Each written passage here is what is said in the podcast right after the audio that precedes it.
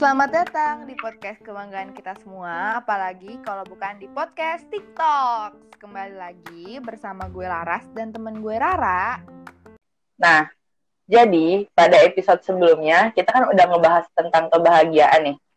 Nah, pada episode kali ini kita bakal ngebahas tentang perjuangan.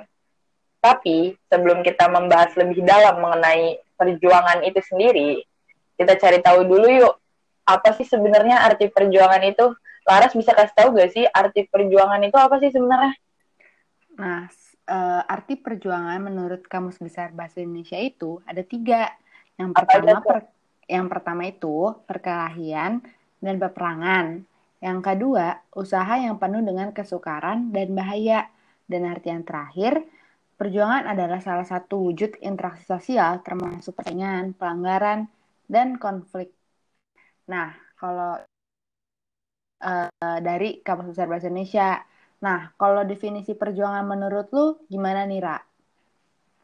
Kalau menurut gue sendiri sih, perjuangan itu adalah usaha yang dilakukan untuk mendapatkan apa yang kita inginkan. Nah, tapi disertai dengan sebuah pengorbanan tuh, Ras, menurut gue. Hmm, kalau menurut gue nih, definisi perjuangan itu proses. Jadi perjuangan itu proses buat uh, kita ini mencapai sesuatu gitu. Kalau itu itu sih kalau menurut gue. Setuju juga sih gue. Ini Ra, selama lo hidup, perjuangan terbesar apa yang pernah lo lakuin?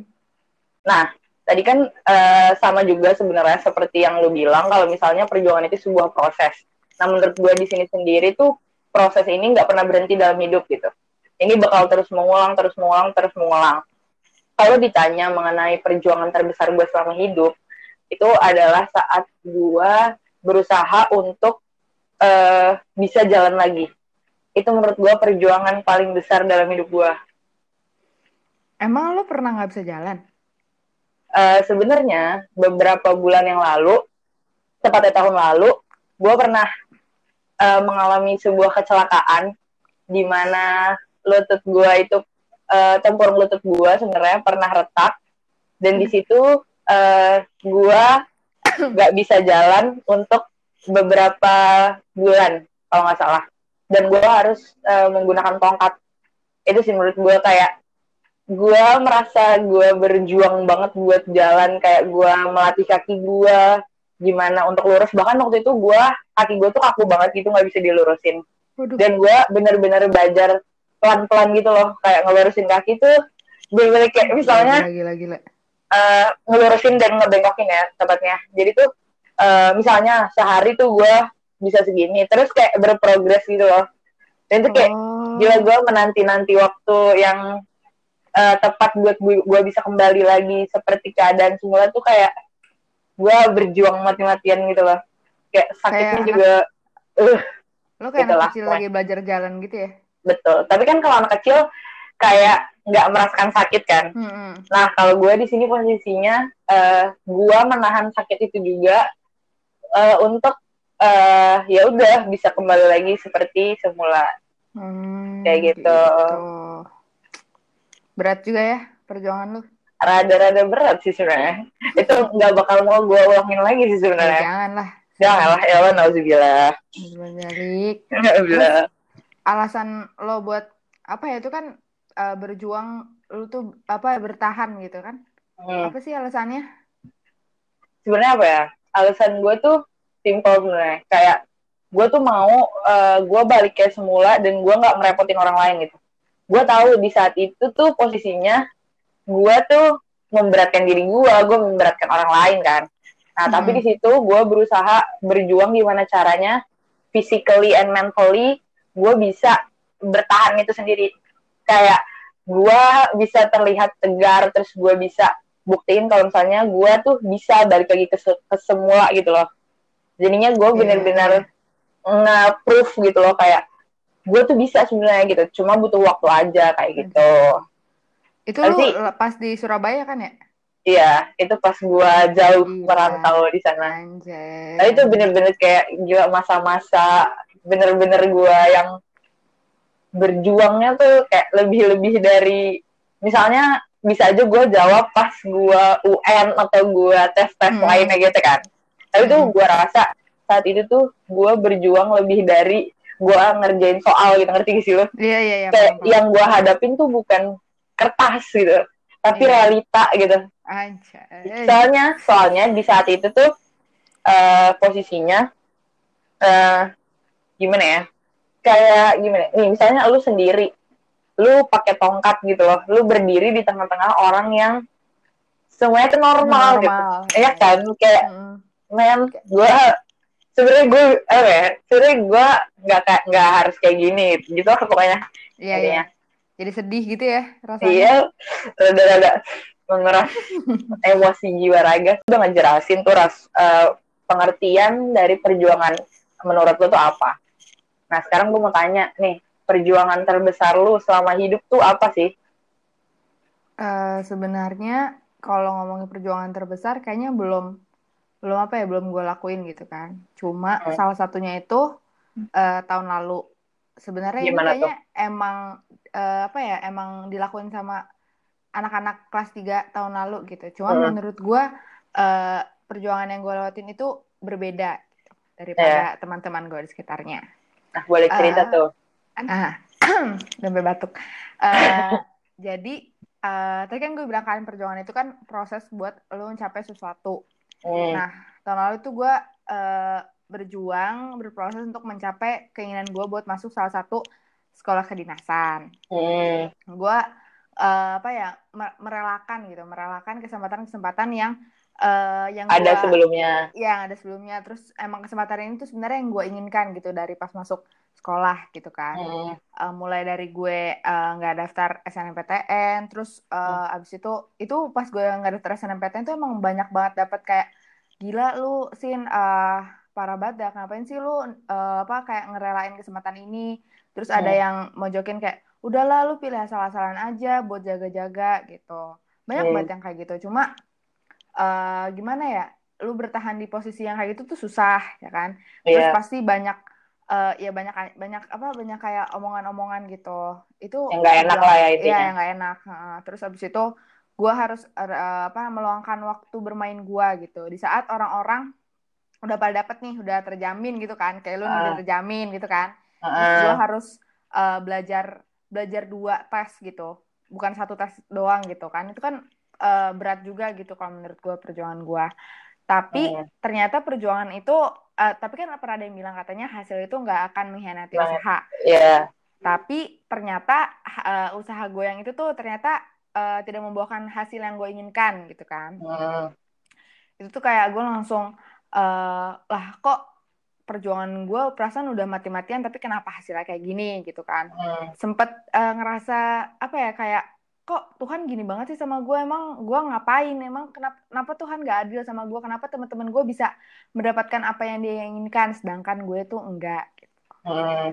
terus uh, itu sih kalau menurut gue perjuangan terbesar dalam hidup gue kali ini gitu saat nanti ini. sih gue ceritanya tuh hmm. agak panjang ya sih emang panjang kan di podcast ini penuh penuh keringat dan air mata tuh. Is, parah. Perjuangan yang udah lu ceritain ya Ras? Kira-kira kenapa sih alasan lu memperjuangkan itu tuh? Hal yang lu damba-dambakan itu tuh? Apa tuh alasannya? Alasan buat gua ngelakuin perjuangan buat mencapai sesuatu yang gua dambakan itu pertama itu gara-gara keinginan uh, bokap gua karena oh. uh, dia tuh pengen gue tuh masuk ke sekolah itu gitu biar uh, hidupnya gampang lah nanti apa kerjanya. Terjamin lah ya. Ya terjamin gitu. Terus yang kedua uh, karena dorongan di sekitar orang-orang di sekitar gue tuh kayak udahlah masuk situ aja lagian ntar lu juga bakal terjamin. Pokoknya intinya tuh kata-kata terjamin. Terus baru yang ketiga uh, gue tiba-tiba kayak iya iya kayaknya hidup gue juga bakal terjamin deh. Ya udah akhirnya gue mau gitu berjuang untuk mendapatkan hal itu. Itu sih. Hmm. Paling itu dong sih alasannya klise alasan gue tuh nggak nggak nggak gimana gimana tapi orang tua tuh benar-benar alasan yang kuat sih iya kayak nggak ada alasan lain yang bisa menguatkan selain alasan orang tua itu. Betul. Nah, ya udah nih. Lanjut. Jadi uh, selanjutnya kita bakal sharing perspektif tentang perjuangan menurut beberapa orang.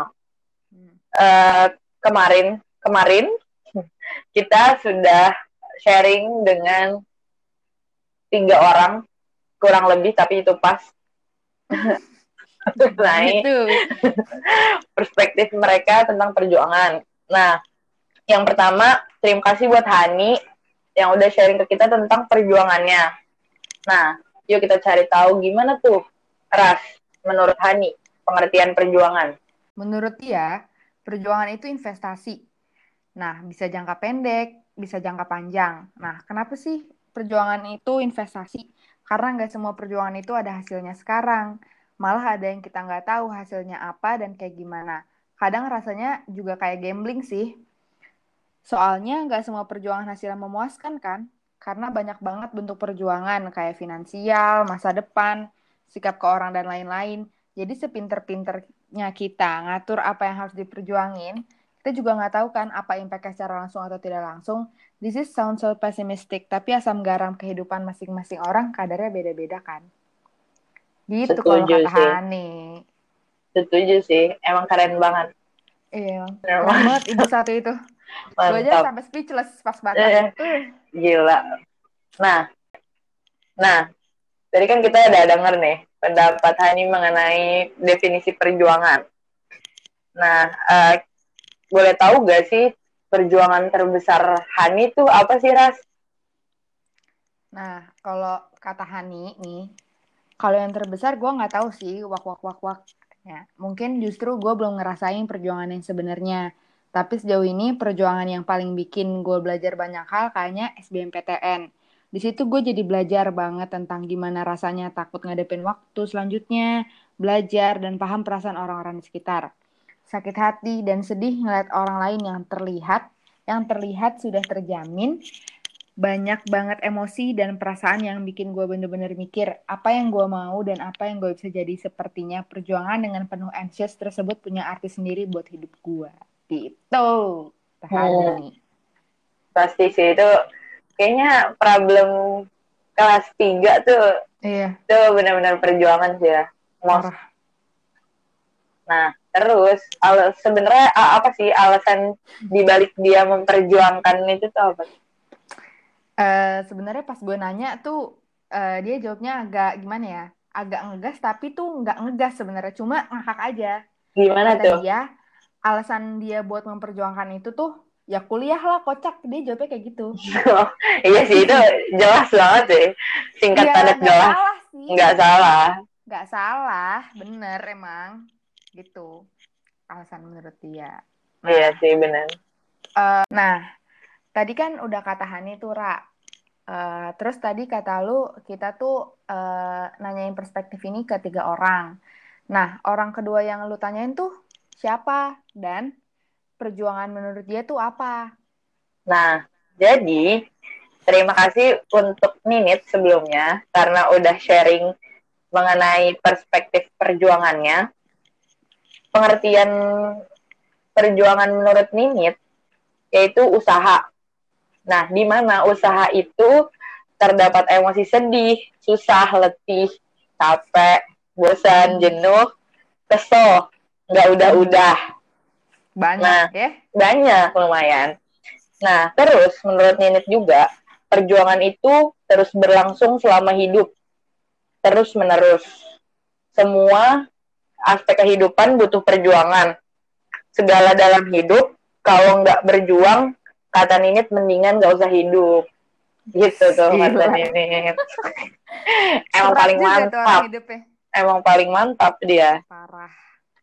Terus nih kalau perjuangan terbesar yang pernah dia lakuin tuh apa tuh, Ra?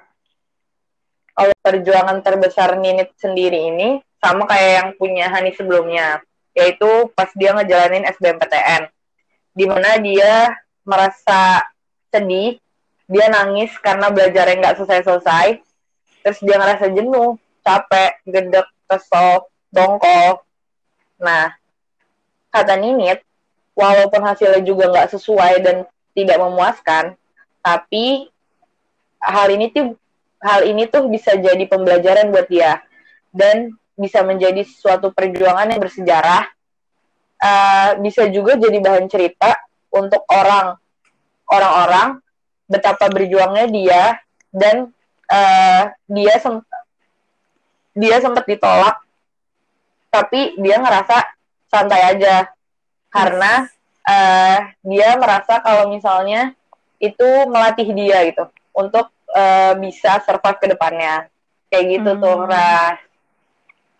Panjang banget ya? Iya lumayan. Terus apa tuh alasan dia buat uh, berjuang buat si SBMPTN itu alasan dia sih dia bilang untuk banggain orang tua. Selain itu juga uh, dia mau mengapresiasi diri sendiri serta ngebanggain diri sendiri. Karena uh, dia pengen masuk PTN yang dia mau kan. Ya itu bentuk mm -hmm. apresiasi sih buat diri sendiri. Iya. Yeah. karena ya pasti pasti ngerasa perjuangan yang gak sia-sia kan. Tadi sempat juga lu mention di uh, omongan lu sebelumnya. Terus dia juga ngerasa kalau uh, alasan dia berjuang dari itu karena dia mau nyenengin orang sekitarnya orang-orang yang dukung dia teman-temannya dia keluarganya dia. Serta dia juga pengen uh, ini tuh jadi balasan atas segala yang dia perjuangin. Kayak gitu Ran hmm, gitu. Kayaknya emang rata-rata tuh tahun kemarin banyak banget dah. Ya nggak sih yang berjuang kayak gitu tuh? Iya gue kira gue sendirian. Ternyata banyak banget. Kayak banyak yang berjuang mati-matian gitu kan buat iya. memperjuangkan tempat di perguruan tinggi. Betul. Nah, uh, kita masih punya satu orang lagi nih. Kira-kira siapakah itu? Siapa nih, Rah? Nah, the last but not least, Anjay. Nah, orang terakhir ini tuh namanya Lela, guys. Uh, pasti jarang sih yang tahu dia ya nggak sih dia juga nggak mau di mention sih sebenarnya iya sebenarnya tapi big thanks to Lela sudah iya. membantu iya betul sekali uh, lanjut jadi, gimana lanjut. kok pengertian perjuangan menurut dia nah nah perjuangan menurut Lela itu saat dia benar-benar mau melakukan menyelesaikan atau meraih sesuatu itu aja sih definisi menurut si Lela tentang perjuangan? Kan tadi dia nyampein tuh, Ras, uh, Pak, definisi hmm. perjuangan menurut dia. Tapi sebenarnya apa sih perjuangan terbesar dia dalam hidup? Uh, perjuangan terbesar dia dalam hidup dia, uh, ini agak beda nih dari uh, kisah si Hani dan Net. Nah, apa? dia jadi uh, pas dia kelas 2 SMP, uh, uh, orang tuanya ini ayah ayahnya masuk ke rumah sakit karena suatu penyakit gitu. Hmm. Uh, terus harus operasi, uh, ibunya harus nemenin uh, ayahnya di rumah sakit, terus dia di rumah cuma sama kakaknya. Uh, lu tau lah, anak kelas 2 SMP pasti kan lagi manja-manjanya nggak sih sama orang tua, masih kayak uh, makannya masih disuapin atau masih ya pokoknya masih di transisi lah ya masih ya. transisi Nah, di saat dia harusnya bermanja-manja, dia harus mandiri gitu. Terus uh, dia harus sendiri, di mana dia tuh anaknya nggak mau sendiri. Hmm. Terus uh, dia nahan diri buat eh, nggak uh, mikir yang aneh-aneh kayak uh, lu pernah gak sih kayak misalnya orang tua lu masuk rumah sakit terus pasti lu mikirnya aneh-aneh gitu kan? Iya. Yeah. Nah, dia tuh menahan menahan diri dia bertahan agar apa ya? Bertahan agar uh, dia tuh nggak mikir sampai ke sana-sana gitu dan itu hmm. menurut dan menurut dia itu itu perjuangan yang perjuangan terbesar yang pernah dia lakuin yang pernah dia lakuin selama dia hidup iya gitu. sih rada susah sih kayak nahan hmm. gejolak itu kayak apa ya apalagi menyangkut orang tua ya hmm itu benar-benar hmm. kayak lu nahan diri lu itu rada susah self control apalagi dia saat itu posisinya kelas 2 SMP iya ya gak sih nah kira-kira apa sih ras alasan dia memperjuangkan itu? Nah, jadi alasan uh, dia melakukan perjuangan itu karena mungkin karena lu sadar diri harus berjuang. Terus dia waktu itu juga megang prinsip uh, berakit-rakit ke hulu, bernah-renah ke tepian, bersakit-sakit dahulu, bersenang-senang kemudian. Jadi dia yakin kalau dia tuh bakalan berhasil untuk berjuang gitu. Iya sih, kalau orang udah berprinsip tuh insya Allah akan berhasil. Hmm. Yoi. Uh, Subhanallah. Berat, berat kalau pakai Berat, berat. Eits, Ras, uh, ternyata gue punya satu orang spesial lagi nih yang bakalan sharing tentang uh, perspektif perjuangannya. Wih, siapa tuh? Nah, kita punya spesial guest asik. Dia jauh banget dari Parah. Australia asik. Anjay. Spesial. Jauh nih. Spesial. kita doang ya. Asik. Ya, jadi terima kasih buat Tarida yang udah sharing nih tentang perspektif perjuangannya. Yoi, makasih Tarida. Anjay. Keren nih temen gue. Di Australia tinggal sekarang ya enggak? Mantul. Uh, terus si Tarida uh, perspektif perjuangan dari dia tuh gimana tuh, Ra? Kalau menurut si Tarida, perspektif perjuangan menurut dia definisinya adalah kalau ngomongin tentang perjuangan gue sebenarnya bukan pakarnya sih tapi pastinya gue pernah lah ngerasain dan nyelesain masalah dengan berjuang. Ini pasti gak sih? Iya, pasti. Ya kan? Pasti banget itu mah. Dan gue juga baru 18 tahun, yang artinya masih banyak perjuangan yang levelnya bakal di-upgrade. Ini juga pasti. Hmm. Tapi yang pasti, Bruno Mayer itu pernah bilang, just because it won't come easily, doesn't mean we shouldn't try. Dengan kata lain, to try again, itu kunci utama sih menurut gue. Mantep banget nih parah parah kayak musik banget dah. Iya emang. Dan pasti we should give up on it. Meskipun itu klise tapi gue yakin itu dewanya perjuangan. Dan perjuangan itu bukan sesuatu yang bisa dibanding-bandingkan untuk setiap individu. Karena menurut gue hidup itu emang gak adil. Tapi di sisi lain hidup itu juga adil. Karena hidup gak adil buat semua orang ini harus biar sapi pelan-pelan ya pusing baik baik satu pelajaran yang gue dapat dari melihat dan merasakan sendiri pahitnya perjuangan adalah itu bukan itu bukan hal yang bisa didapetin secara instan karena nggak sedikit perjalanan menuju impian yang makan banyak waktu untuk nantinya bisa berdiri di atas dengan periode waktu yang lebih lama. Dia gue setuju sih menurut si Tarida ini. Dia berfilosofis banget ya. Iya, parah kayak dia berubah deh kayaknya di sana tuh. Jadi lebih bijak seperti ini. Maturity on point. Kan tadi kita udah tahu nih ras tentang definisi hmm. perjuangan menurut dia. Boleh gak sih kita tahu nih perjuangan terbesar dia tuh apa sih sebenarnya? Perjuangan terbesar kata dia nih agak panjang banget sih nih. Bukan agak lagi emang panjang buat perjuangannya Uh, jadi kata dia, dan kalau ngomongin perjuangan terberat, sebenarnya gue nganggap masih banyak miliaran orang dengan perjuangan yang lebih hebat dari gue. Tapi perjuangan paling besar itu buat gue adalah hal pribadi yang gak bisa gue selesain sih sampai sekarang. Dan gue masih dalam step untuk bisa lulus dari perjuangan ini. Apa tuh? Tapi gue, tapi gue ya belum kelar, tak dulu. Oh iya, ulang-ulang. Lagi, gue, lanjut. Tapi, tapi gue yakin lah, Nyet. Aduh, kasar banget ya orang salah satu perjuangan gue itu waktu mau ambil kuliah gue tahu lu ada di sana yang juga nyaksin gue yang udah down banget sampai inti bumi kali ya. Lebay banget ya orang. Lanjut. Uh, di periode itu gue bener-bener ngelewatin hari dengan nangis mau itu di shower kayak di kamar mandi atau malam-malam. Dan gue aja sampai nge grup chat salah satunya yang isinya teman baik teman-teman baik gue semua. Udah udah kayak punya banyak teman aja gue gitu kapan sih eh lanjut. Tapi gue lanjut. ketika tapi gue ngerasa ketika teman-teman semua berlari kenapa gue masih stuck aja dan serasa matahari nggak terbit-terbit? Meskipun gue sadar sebenarnya ekspektasi gue sendiri sih yang pada akhirnya ngejatohin gue paling dalam.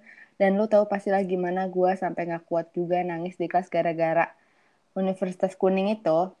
Oh. Dan kata dia BTW sampai sekarang gak bisa ikhlas sih. Dan gak sering gue nanya ke Tuhan kapan waktunya gue bisa seneng dan lari ke kamar ortu buat ngomong buat ngumumin kalau gue lolos. Dan Tuhan itu luar biasa baiknya. Ketika gue meminta boneka kecil dia nyuruh gue nunggu dan percaya ke dia. Dan pada akhirnya gue dikasih boneka terbesar yang dia punya. Di paragraf itu sebenarnya cuma summary yang bisa gue kasih tahu. Karena banyak banget anak tangga yang kalau gue ceritain bisa ngelebihin banyaknya jilid Harry Potter. Gue nggak enak ntar sama J.K. Rowling. Emang nih orang merendah untuk meroket banget ya. Iya mantep iya, banget emang parah tapi sekarang dia udah keren sih gila iya parah Udah Parah. kayak bukan Tarida yang Ini kan dulu gitu. berbeda sekali. Eh, berbeda sekali. Bener-bener berbeda itu orang. Gitu. Nah, Nira, eh, kalau alasan dia buat ngelakuin perjuangan itu apa sih? Sebenarnya nih, alasan utamanya dia berjuang, kata dia, alasan utama dia berjuang pastinya buat orang tua lah. Itu obvious kan. Mm-mm. Kayak kan kalau tentang ya perkuliahan or something like that pasti kan tentang orang tua. Iya, betul. Nah, kata dia juga dan bullshit kalau gue bilang gue nggak lakukan gue nggak lakuin ini buat diri sendiri dan gak mau dianggap stupid sama yang lain. Ya kan sosial banget lah ini. Mm-mm. Semuanya juga pasti ngerasain. Iya, pasti. Karena gue nggak enak juga udah dikasih les yang segitu besar bayarannya. Kenapa masih nggak bisa juga? Tapi gue mau terima kasih banget buat diri gue pada saat itu yang masih mau ngisi formulir sana sini, fotokopi kertas, and big thanks to my mother yang nemenin gue ke Jogja, Malang, Solo, Jakarta, dan lain-lain buat ujian tertulis dan gak minta imbalan apa pun dari gue. Gue gak, bi- gue gak akan bisa ngomong ini di depan dia, tapi gue bangga banget punya mami kayak mami. Dear maminya Tarida, Hmm, semoga maminya mendengarkan podcast ini. Iya. Atau Semoga siapa pun mami- tolong sampaikan pesan ini ke maminya Tarida. Punten Dan kata dia lagi nih, di balik semua perjuangan ini ada yang berhasil baik, tapi nggak sedikit juga yang gagal total. Tapi di pertengahan perjalanan, pelajaran itu selalu bisa dipetik dan nggak ada yang boleh disesali. Karena itu juga bagian untuk mendewasakan diri. Nah, dia bilang juga nih, semoga mulai dari sekarang gue bisa menyelesaikan pelan-pelan perjuangan gue yang masih gue perjuangin dan bisa mendewasakan diri lebih baik lagi. PS kalau kata Kunto Aji terima kasih sudah berjuang aduh Bah, rada-rada aduh. tiri gitu ya gue mendengarnya Sedih gue. tapi iya sih big thanks to orang tua pasti orang tua jadi peneman eh peneman tuh apa sih apa kayak yang menemani di saat-saat itulah ya Iya. susah tenang asik Sedih gue Ya, pokoknya- bacanya. ini agak mengharukan nih pesannya Mm-mm. Ini kalau dengerin ini malam-malam udah pasti bawaannya nangis aja dah. udah fix fix fix fix Fix. Ya intinya ini mantep banget nih dari Tarida sharingnya. Iya. Paling keren emang lo, Tar. Parah. Ini lo hitung aja ada berapa penyanyi disebutin di sini. Parah. nah, jadi kan tadi kita udah ngebahas nih beberapa perjuangan menurut perspektif kita. Nah, tadi mayoritas juga ngebahas tentang ujian tulis. Dan denger-denger nih, Ras, ada ujian massal nih, awal Juli. Is. Apaan tuh emang? Oh Juli ada ujian masalah apaan? Jadi dengar-dengar sih awal Juli ada ujian tulis berbasis komputer tuh UTBK SBMPTN. Nah, Oh. jadi di sini kita mau nyemangatin buat adik-adik lucu yang. Adik-adik lucu. ingin yang ingin yang akan menjalankan adik-adik lucu. ujian, kakak-kakak iya gemes. kan? yang akan menjalankan ujian semoga diperlancar dan dipermudah. Amin. Amin. Semoga mendapatkan apa yang disemogakan. Amin. Amin. Apalagi Mbak? Semoga hasilnya terbaik. Amin. Dan semoga perjuangannya nggak sia-sia. Amin. Amin. Ya Allah. Nah, sebagai penutup, jadi di sini kita bakal mempersembahkan suatu quotes yang kita temukan di internet sebenarnya. jadi langsung aja didengerin choose. Cus, dengerin Nah, yuk. If you're struggling, remember this. First, you have survived everything you've gone through up to this point. Second, the best way of your life is still yet to come. Third, there are still people you haven't met and things you haven't experienced yet. Fourth, you can do this. Ih, aja nih. Mantap. Mantep banget kan? Mantap. Mantap. Diresapi aja tuh, diresapi. Quotes-nya. darah sapi diterapkan yeah. dalam kehidupan sehari-hari. Diterapkan. Yes. nah, kita udah sampai di penghujung episode nih. Dan buat teman-teman, jangan lupa ya buat follow podcast kita di Anchor, Spotify, Google Podcast, Breaker, Pocket Cast, dan Radio Public. Sampai jumpa di episode selanjutnya. Dah.